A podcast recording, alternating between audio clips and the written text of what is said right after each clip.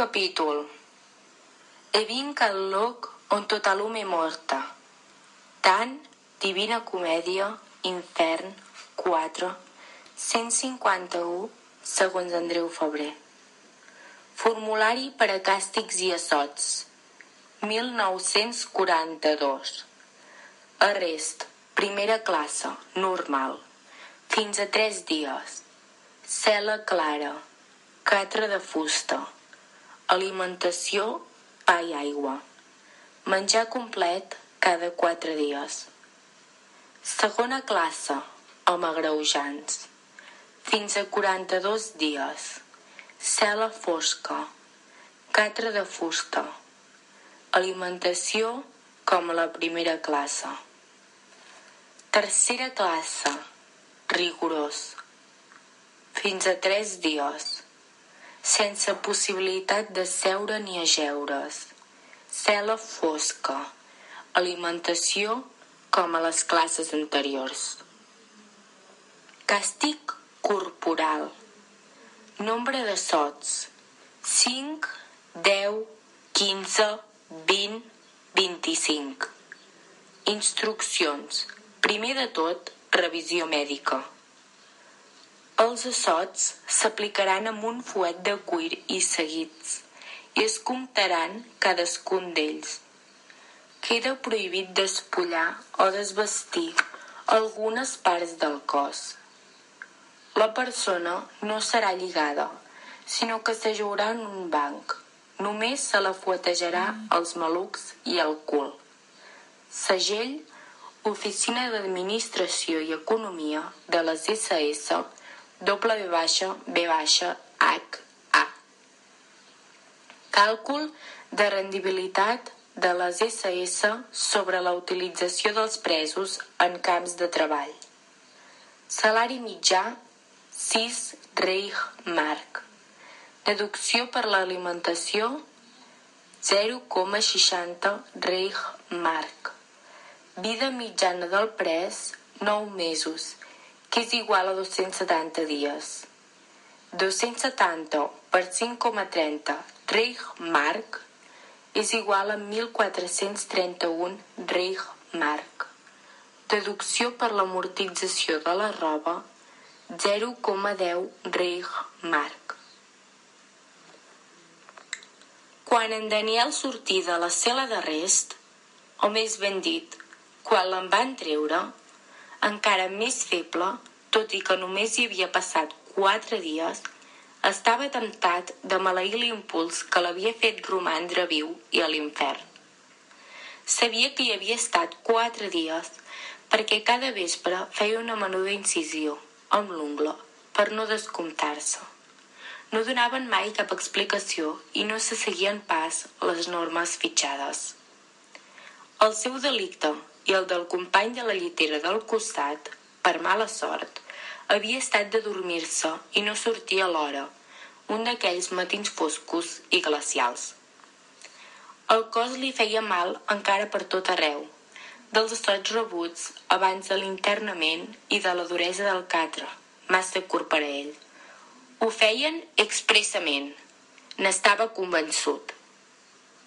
I encara bo que tenia, entre altres presos, una situació de privilegi, si se'n podia dir així. L'esperaven per treballar a la casa del comandant. Si no, el seu càstig, qui sap quan l'hauria durat? Esbufar els dits, entumits de fred, oblidat del tot, d'ençà de molts mesos, de velles pregàries de la matinada, apreses a la infantesa, el saharit. Després del recompte, que li augmentà la fredor, es posà a la feina, tot pensant que aquell migdia, si més no, tornaria a menjar calent una igualida sopa de naps. Les cel·les de càstig eren al costat de la plaça, l'Appelplatz, on també es reunien per a presenciar les execucions, el lloc més elevat de l'infern. El Dreyfluslager, el camp de Tres Rius, un dels petits, relativament, s'allargava sota seu i li semblava immens, tapat de boira com era, tot entelat, amb les seves omnioses construccions de l'ombra. Els sostres dels barracots eren ben blancs de nius o de gebre. Ni ho sabia. Però Saukel, el comandant, aquell gegant sàdic i refinat, volia conrear gladiols i camèlies. I ell havia treballat amb altres companys en la feina de fusteria de l'hivernacle. Això els oferia, de vegades, un suplement de menjar. Per sort, pensar, no m'han aplicat cap agreujant, com una pallissa de record de la sortida. Mai no es podia estar segur de res, perquè en aquells camps, una mica marginals, els reglaments no eren seguits d'una manera estricta. Alliçonat, feia quatre dies justos, amb altres pallisses que havia hagut de presenciar, es va geure damunt del banc abans no li forcessin, ell mateix estirant l'aire, la camisa i avall els pantalons. Aferrant-se al banc, no cridar altra cosa que el nombre de cadascuna de les 25 fuetades i com que tot i el mal que li feien no s'havia descomptat, no van recomençar a pagar-li, la qual cosa era una diversió freqüent. Fins aquell dia se n'havia escapat de les vergassades formals, no dels cops i de les empentes. Però aquell metge, d'ulls grisos i freds com l'acer, no havia vacilat, després d'un cop d'ull dels dos companys de barracot. No recordava que mai n'hagués deixat cap sense signar. El seu esguard li feia venir esgarrifances. L'havia resseguit amb la mirada. I qui sap si considerat apte per a futures vexacions? Es parlava, entre els presos més veterans, d'un infern pitjor, de viatges sense retorn a altres camps, de noms temibles, i també s'enraonava d'una mena de pobre paradís una fàbrica on es repartia un suplement de menjar i no es maltractava ningú. En Daniel, però, no volia ni atemorir-se més ni somniar. Calia fer la feina amb atenció i avui li costava. Dins la cel·la, les llesques de pa encara havien estat més minces que no fora, just per sobreviure. Mentre s'aplicava a la tasca, tan bé com podia, sense reposar gens i encara content que no l'haguessin castigat a treballar a la pedrera, recordar l'impuls que li havia salvat, per quant de temps ja no podia saber la vida. Ofici? La pregunta, en aparença inofensiva, no tothom tenia la sort de poder-la ni tan sols escoltar. Els triats del vell Antíobi per la mort seguien una altra filera. Molts infants, vells, dones grans i malalts. Ràpid, va respondre. Fuster, ebenista. Era una mentida mitges. Però darrere el seu front pàl·lid havia nascut la resposta, que només més tard raonar per ell mateix. Semblà que algú li hagués dictada. En aquell temps de persecució, més inexorable que mai, la vida era la corda fluixa. Les persones jueves i tantes altres, fonàmbuls inexperts marcats. Coneixia prou els qui filaven el destí de la gent del seu poble. Eren aquella mena d'assassins, aquells oficials de les UFNSS, monstres disfressats amb vestits impecables, quan no se'ls esquitxava la sang, ben pentinats, sovint ombres de cultura, que estimaven potser els seus gossos, la música, que tenien segurament una família. D'aquelles maleïdes mans fines, d'aquells ulls serens o fanàtics, penjava una corda fluixíssima. La vida o un miratge de vida. Per aquests Guim, pensar, en un llampec mentre sentia la pregunta, no existia l'antic manament no mataràs. La seva mare ja havia tingut l'ocasió d'escoltar-ne cap de pregunta. s'havia mort al gueto, molt aviat, i el metge jueu impotent parlar de tuberculosi, però ell pensava sempre que de gana i de tristesa espectre d'ella mateixa. Què hi hauria fet un lutier a l'infern? Fuster havia semblat en aquell moment, fins i tot a l'oficial, que inclinà el cap apovadurament, tot inscrivint-la. Una bona resposta. Sempre en calien. Però al cap dels mesos, llargs com anys, amb tant dolor, en Daniel ja en dubtava. Si més no, l'havien tret de la cel·la clara, relativament aviat. Mai se'n sabia la durada, malgrat que ells parlaven d'un reglament, i podia veure la llum del dia. A dintre, com que la finestra era minúscula, havia romàs pràcticament a les fosques. Disposava, n'era conscient, d'un avantatge sobre molts presos. Ara treballava cobert perquè l'hivernacle el tenien molt avançat i ell acabava una prestatgeria per ampolles, al celler. Havia sentit per retalls de conversa que hi hauria d'altres feines a la casa i potser tindria la sort que també li manessin de treballar-hi. Si em vaig a dormir, pensava, és perquè no menjo prou i no supleixo amb la son. S'havien de llevar ben fosc, a dos quarts de sis, per començar a, treballar, a treballar a tres quarts de set.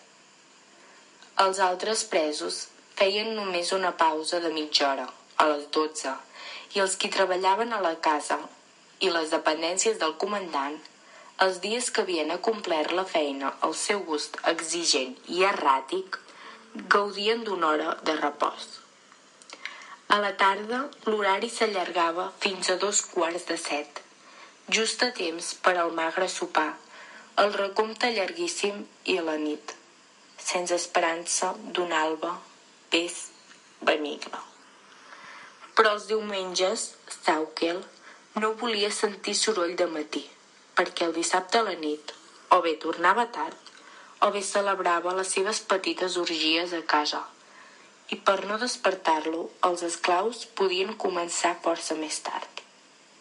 I aquests petits avantatges, sempre amb la por que acabessin, eren les úniques esperances que es volia permetre.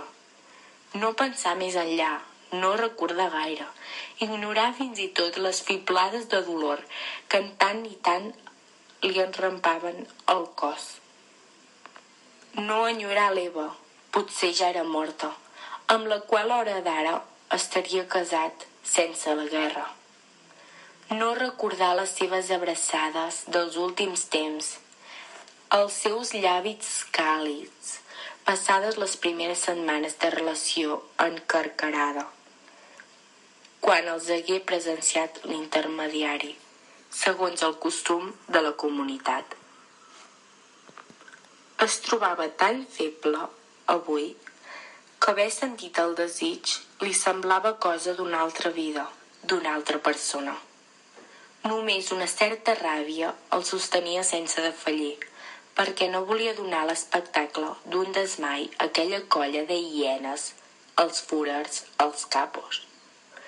Contra la seva voluntat, el pensament el dugué cap a les primeres setmanes d'internament al Dreyfuslaga, quan encara havia tingut algun ràpid contacte furtiu i alguna presonera, amagat rere qualsevol tanca, uns monuments al vespre.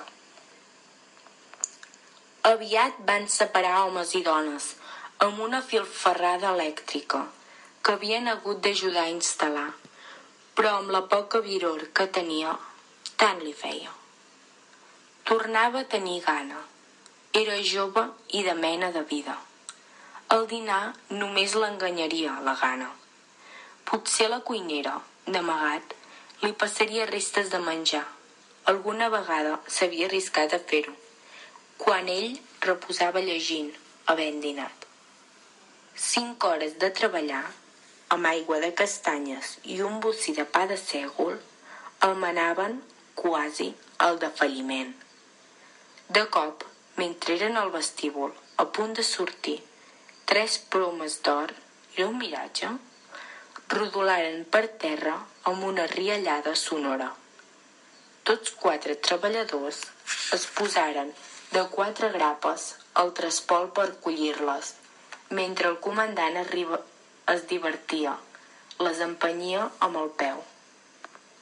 En Daniel no se sentia gens ferit en el seu orgull ajupint-se a agafar-ne una. La indignitat era en el que es divertia amb la seva fam. Una bota negra que semblava enorme amenaçar la seva mà. Després se'n retirà, empenyia més lluny la fruita, però ell, al capdavall, es va, es va apoderar de la poma. No li van prendre, tampoc no li ataieren els gossos quan li clavà queixalada, perquè decididament ell s'havia llevat de bona geia. Una veu de noia el cridà des de dalt. El secret deixava de ser-ho. Es veia que la bonica prostituta li havia fet el pes i potser tindrien dos o tres dies de tranquil·litat. Potser. La tarda li semblà molt llarga tot i el record de la poma. Després dels dies passats, tancat a la cel·la, la litotxa la va trobar fins i tot tova. Els companys, poc o molt pollosos com ell, un suport càlid, conegut. El van despertar, aquesta vegada. No es podia tornar a quedar dormit, Aleshores ningú no el salvaria dels agreujants temibles i la mirada del mitjà Rasher no era cap bon averany. Malgrat que encara se sentia dels cops, la nit hi havia passat en un son i, potser, per la companyia sense malsons. El secretari del barracot el van treure d'un altre món. En somnis es trobava al seu taller tan ben endreçat, treballant en la construcció d'una viola, entre l'olor reconeguda i agradable de la fusta, les coles i els vernissos, no el baf del barracot. A dalt, la seva mare, que entussejava tot cuinant el dinar, que també feia una flaire deliciosa. Tot eren sensacions detectables, el sol daurava les fustes, els arrenclava reflexos com de posta, càlids, d'un vell tenyig de vermell i, curiosament, de blau i tot. Contrastant amb els seus tons, l'acer de la seva col·lecció de ganivets de violer resplendia amb el seu fred brillant. Totes les peces sense obrar, tallades per a futurs instruments, lluïen les seves aigües, oloroses, i entremig hi passava l'aire, assecant-les, a poc a poc, entre el seu germà, el temps. No havia pres ja el pare. Mai no feia servir una fusta que no fos tallada de cinc anys.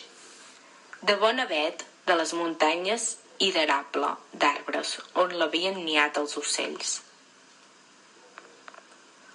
on el vent havia cantat, com després ho faria l'arquet. En el somni, cada peça i cada eina brillaven com joies, i de fet ho eren, les modestes joies de la seva corona d'artesà. Somniant, es trobava en un dels punts més delicats del seu treball, posant al seu lloc, dintre la viola, l'ànima, aquesta menuda peça de vet, d'aigües fines i espesses, que estava a punt de deixar anar, ben vertical, ben recta, just darrere la pota dreta del puntet. Però, què pensava? Les mans li suaven. L'ànima se li esmunyia fora de lloc. Relliscava abans d'hora. Li havia quedat massa curta, l'inservible hauria de recomençar-la de bell nou.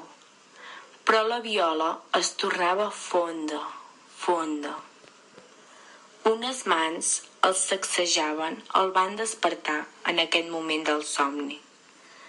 La viola s'havia quedat sense ànima. Li semblà un mal averany.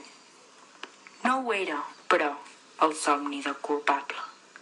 Ni calia cercar lluny cap auguri dolent. El tenia al davant, allà mateix. El mal averany era, tot senzillament, l'alba l'alba d'un dia nou, a la Guenna, al camp dels Tres Rius. Una alba fosca, precursora d'un dia de claror grisa i indecisa d'una vella flaçada damunt el llit gastat del sofriment. Cap mal son pensar, no podia ser pitjor que la crueldat que els voltava i els penetrava, tan indefugible com l'aire que respiraven desarmats davant seu, indefensos com nadons. Li semblava que tothom els havia abandonat, fins i tot Jové, a les mans d'un odi per a ell incomprensible. Havia sentit a parlar el seu pare d'antics exilis i progoms a temps dels avis, però ell havia passat una infantesa i una adolescència més aviat tranquil·les havien celebrat amb una festa alegre el seu bar mitzvah, com el del germà gran, i només la mort, per malaltia del pare, havia trencat aquella pau. Potser per això la tempesta els havia sobtat d'una manera més inesperada. Els senyals amenaçadors, els núvols que s'ennegrien, li havien passat a ell, submergit en un ofici que l'apassionava, inadvertits, com si no anessin cap als seus. S'havia posat, al començament de la tirania, la groga estrella de David, sense pensar que era el senyal per a la mort, com es pinten els pins per la destral, i no s'havia despertat ben bé a la nova i brutal realitat fins al dia terrible que li van saquejar el taller. No gaire lluny, cremava la vella sinagoga del barri on, d'infant, s'havia sentit segur entre el teixit del llarg talit del seu pare que el feia anar a les festes al seu costat, ben sovint.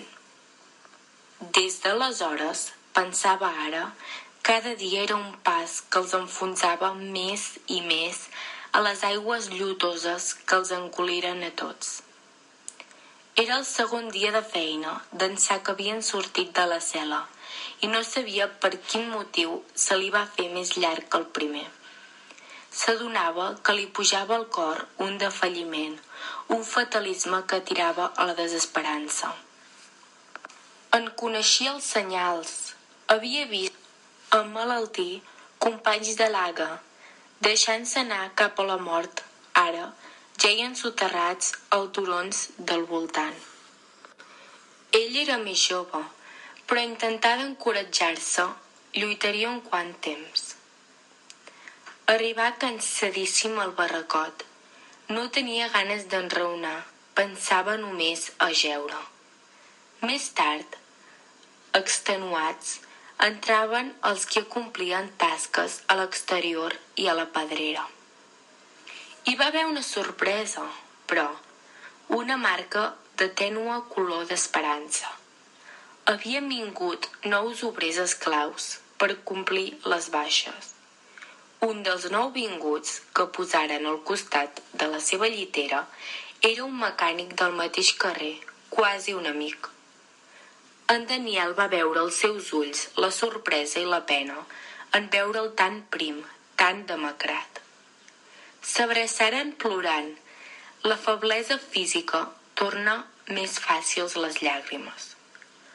Però aviat el violer, per primera vegada al camp dels Tres Rius, va conèixer una sensació d'alegria. L'Eva era viva, l'informà el seu veí, i estava relativament bé. L'havia vista mentre ell hi feia una reparació a la fàbrica d'uniformes militars que dirigia Tich, el paradís de què semblava en veu baixa al camp. Sí, l'Iva menjava cada dia bones llesques de pa de sègol, que la insòlita bondat de l'industrial li feia comprar de la seva butxaca per als treballadors. Sovint, damunt del pa, fins i tot brillava una capa de margarina o de mantega. Enraonaven fluixet en la nit fosca. El seu amic li donava més detalls mirant de no ferir-lo massa. Ella, abans, havia estat en, en un altre camp de nom terrible. No sabia què li havia tocat de sofrir, però havia sobreviscut i la tenia més aviat a prop. Si pogués fugir veure-la... Ni pensis, l'advertia en freunt. Podria ser la mort per a tu. N'havia presenciat molts de fusellaments a l'instant, per veritables o suportats intents de fuga. Eren ràpids a disparar, els ports, i el comandant en persona no en feia altre estat de matar els presos a trets. Un company rondinà. A veure si em deixeu dormir, vosaltres! Demà t'explicaré més coses, si són vius. La curta conversa havia deixat en Daniel desvetllat. Tot i que no era gens fantasiós, s'imaginava la seva Eva, asseguda a la màquina de cosir, les mans petitones fent córrer la roba, les cames boniques sota la màquina, movent-les incansables al pedal. Li agradava més, però, de representar-se els seus llavis molt surts, no damunt dels d'ell, sinó llepant la cara d'untuosa mantega sobre el pa de sègol, les beneïdes llesques gruixudes, pensava, que la farien romandre viva, que li tornarien una mica de lluïssor els ulls foscos i irissats. No li tenia enveja. Aquella visió li llevava la desesperança, tot l'any demà treballar amb una mica de ganes de viure, altra vegada. La tarda, llarguíssima. El vespre, interminable. Esperava la nit amb desfici per veure més notícies de la boca del seu amic. En reunaren més fluix, encara. Van intercanviar notícies de les dues famílies. Una llarga necrologia. La Regina, la teva neboda petita, s'ha salvat. Un oficial alemany li digué, després descobert i enviat al fons de Rússia, va treure molts infants del gueto, d'amagat, en caixes de roba. Pel que sabia, la nena era a casa d'un músic client d'en Daniel, que no era jueu, un alemany dels sudets, un guí de bons sentiments. Sí, és clar que el coneixia, en Rudi, va respondre. És casat amb una cosina llunyana meva. Vivien fora de Cracòvia, a casa l'avi, va dir en Freunt. L'havia feta passar per neboda, i tots tenien papers d'aris. Potser se salvaria, quasi segur. Era la que tenia més possibilitats de sortir-se'n, com a neboda d'un ari pur. Aquella petita de tres anys si els que li feien de pares aconseguien de refer-la de la desnutrició del gueto. Déu meu, com ho desitjava! Se sentia ploure, el de fora. Tot quedar enfangat, però no farà tant de fred, pensà. Abans de dormir-se, amb el brugit de la pluja, metàl·lic, sobre el ninso teulat del barracot.